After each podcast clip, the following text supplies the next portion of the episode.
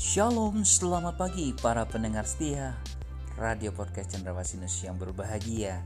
Hari ini kita akan mendengar akan renungan akan firman Tuhan. Biarlah firman Tuhan yang hidup itu akan menjadi berkat ketika Anda mendengarnya Dan rema dalam kehidupan Anda. Selamat mendengarkan firmannya. Tuhan Yesus memberkati Anda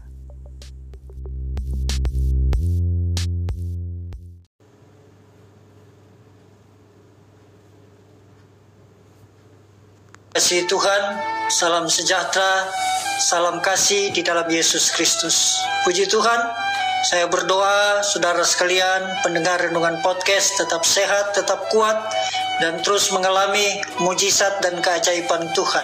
Haleluya. Puji Tuhan, firman Tuhan pada hari ini terambil dari Yesaya 60 ayat 11. Pintu-pintu gerbangmu akan terbuka senantiasa baik siang maupun malam, tidak akan tertutup, supaya orang dapat membawa kekayaan bangsa-bangsa kepadamu, sedang raja-raja mereka ikut digiring sebagai tawanan.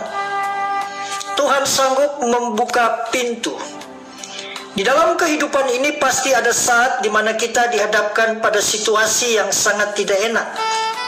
Apa saja yang kita kerjakan serasa tiada membuahkan hasil alias gagal.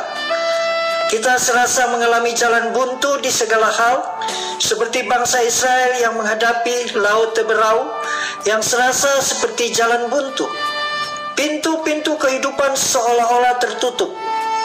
Pintu bisa berbicara tentang pintu kesempatan, pintu berkat, pintu jawaban doa, pintu kesembuhan, pintu pemulihan, pintu keberhasilan, dan sebagainya. Saudara yang dikasih Tuhan, jika sampai hari ini kita menghadapi pintu-pintu yang tertutup, janganlah berkecil hati dan berputus asa. Ketok pintu hati Tuhan dengan seruan yang tiada berkeputusan. Sebab Tuhan yang kita sembah adalah Tuhan yang punya kuasa dan otoritas. Ada tertulis, apabila ia membuka, tidak ada yang dapat menutup. Apabila ia menutup, tidak ada yang dapat membuka. Wahyu 3 ayat 7. Pintu-pintu kesempatan, pintu berkat, pintu kesembuhan, pintu pemulihan, pintu keberhasilan pasti dibukakan bagi kita. Penulis Amsal menegaskan bahwa selalu ada masa depan dan harapan bagi orang yang takut akan Tuhan. Masa depan sungguh ada dan harapanmu tidak akan hilang. Amsal 23 ayat 18. Bukti orang yang takut akan Tuhan adalah hidup sesuai dengan kehendaknya. Taat. Sekalipun situasi atau keadaan sepertinya tak memungkinkan pintu itu terbuka.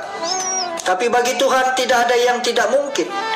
Firman Tuhan mengatakan pintu-pintu gerbangmu akan terbuka senantiasa, baik siang maupun malam, tidak akan tertutup. Artinya Tuhan sanggup membuka pintu bagi kita di segala keadaan, di segala musim kehidupan kita. Dengan kata lain, berkat Tuhan tidak terpengaruh situasi.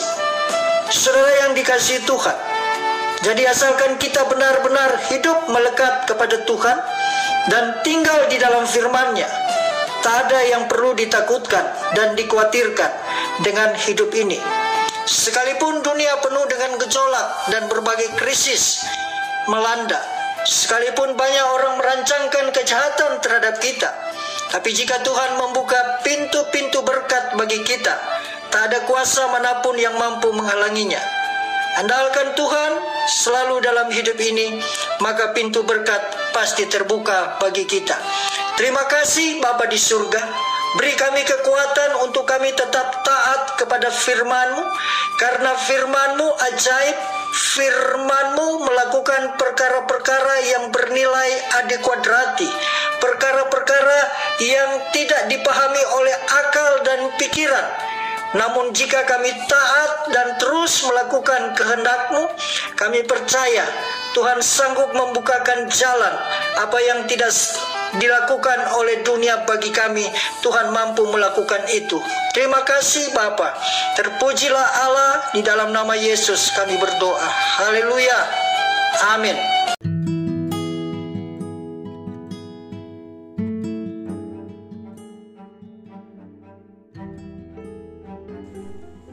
Terpujilah bagi nama Tuhan.